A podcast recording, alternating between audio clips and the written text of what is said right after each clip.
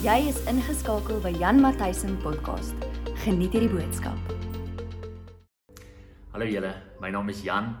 Die idee van hierdie video is om jou te kan help om jou gebedslewe aan die gang te kan kry. En uh, hierdie is 'n paar praktiese sessies, regtig ongelooflik basic. Maar daar is dalk 'n paar vrae wat jy het en niemand het jou ooit geleer wat dit beteken om te bid of hoe om te bid nie. En in hierdie volgende sessies wat ons gaan doen en die volgende video's wat ons gaan maak, gaan ons 'n bietjie gesels oor praktiese vrae, vrae wat jy dalk in jou hart het. Voel vry om vrae te gee en te komment en dan kan ons hierdie vrae hanteer. Ons gaan begin by basic dinge en dan gaan ons 'n klein bietjie dieper gaan um in die volgende tyd. Moet my oë toe wees as ek bid. So die skrif sê nêrens vir ons of ons oë moet oop wees en of ons oë moet toe wees nie. Eintlik net heel eenvoudig, die oomblik wanneer my oë toe is, dan help dit my so klein bietjie meer om te fokus. Dit help my om seker te maak dat my aandag nie afgetrek word nie. Dit help my om rustig te wees en dit help my om my gedagtes gevange te neem. Maar jy kan bid met oop oë of jy kan selfs bid met toe oë. Dit is regtig letterlik net jou keuse waarmee jy gemaklik is en hoe jy met die Here wil gesels in die tyd wanneer jy besig is om te bid. Hoe moet my postuur lyk? Die Bybel gee vir ons 'n hele paar voorbeelde van mense wat staan, wat sit, wat lê, wat kniel, die oomblik wanneer hulle besig is om te bid. Die enigste ding wat ek dalk vir jou wil sê is die volgende: Die postuur wat jy gaan aanneem, gaan letterlik afhang van die postuur binne in jou hart.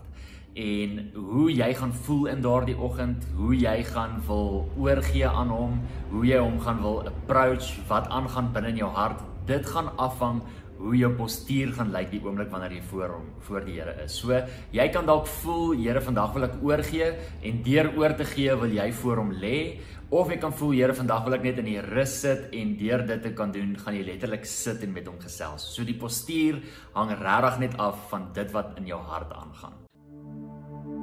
Moet ek hoë woorde gebruik? Die oomblik wanneer jy met die Here gesels, is dit nie nodig om enige groot woorde te gebruik nie. Jy hoef nie Bybelse taal te te gebruik nie. Jy kan letterlik met die Here gesels soos wat ek nou besig is om met jou te gesels. Jesus kom eintlik in Matteus 6 en hy sê daar: Moenie groot woorde te probeer probeer gebruik nie. Moenie probeer impress nie. Wees net jouself. Dit is so belangrik om te weet dat jy niks kan wegsteek by hierdie amazing koning nie, dat jy niks kan wegsteek by by hom nie en dat jy net jouself kan wees. So die oomblik wanneer jy met hom gesels, gesels met hom soos wat jy met jou vriend gesels. Gesels met hom soos wat jy gesels soos met enigiemand. Die belangrike ding wat ek net vir jou wil sê is die volgende: dat die oomblik wanneer jy 'n verhouding met die Here pursue, gaan jou verhouding anders lyk as wat my verhouding anders lyk. Jy moet onthou, jou persoonlikheid is anders, jou begeertes is anders, jou passies is anders en as gevolg daarvan gaan jy met hom oor ander goeders gesels en jy gaan met ander goeders relate teenoor hom. Onthou waaroor dit gaan. Die belangrikste ding wat jy moet weet is dat jy nie gebed najaag nie, maar jy 'n persoon najaag en hierdie persoon se naam is Jesus Christus. Hy is die mooiste man wat bestaan volgens Psalm 45. Hy het die fullness of joy binne in hom is alles wat jy nodig het. Hy is die brood van die lewe. Hy is die water wat jy kan drink wat jou dors letterlik sal rus. En die oomblik wanneer jy in gebed kom, is die idee nie om die beste gebedslewe te hê nie, maar die idee is net om in verhouding te kan kom met hom. Die idee is net om hom te kan ontmoet. Die oomblik wanneer ek gaan koffie drink saam met 'n vriend, dan gaan ek nie vir die koffie nie. Ek gaan vir my vriend. Ek wil my vriend ontmoet. Die oomblik wanneer jy in gebed intree, gaan jy nie vir gebed nie. Jy gaan vir Jesus. Jy wil Jesus ontmoet. En in jou pursuit tot hom, onthou die volgende: Hy het jou eerste pursuit. Hy is eerste agter jou aan. En die oomblik wanneer jy in die in in jou plek is waar jy gaan bid en waar jy met hom gaan tyd spandeer, daai plek is letterlik waantoe hy jou jou intrek, is waantoe hy jou uitnooi.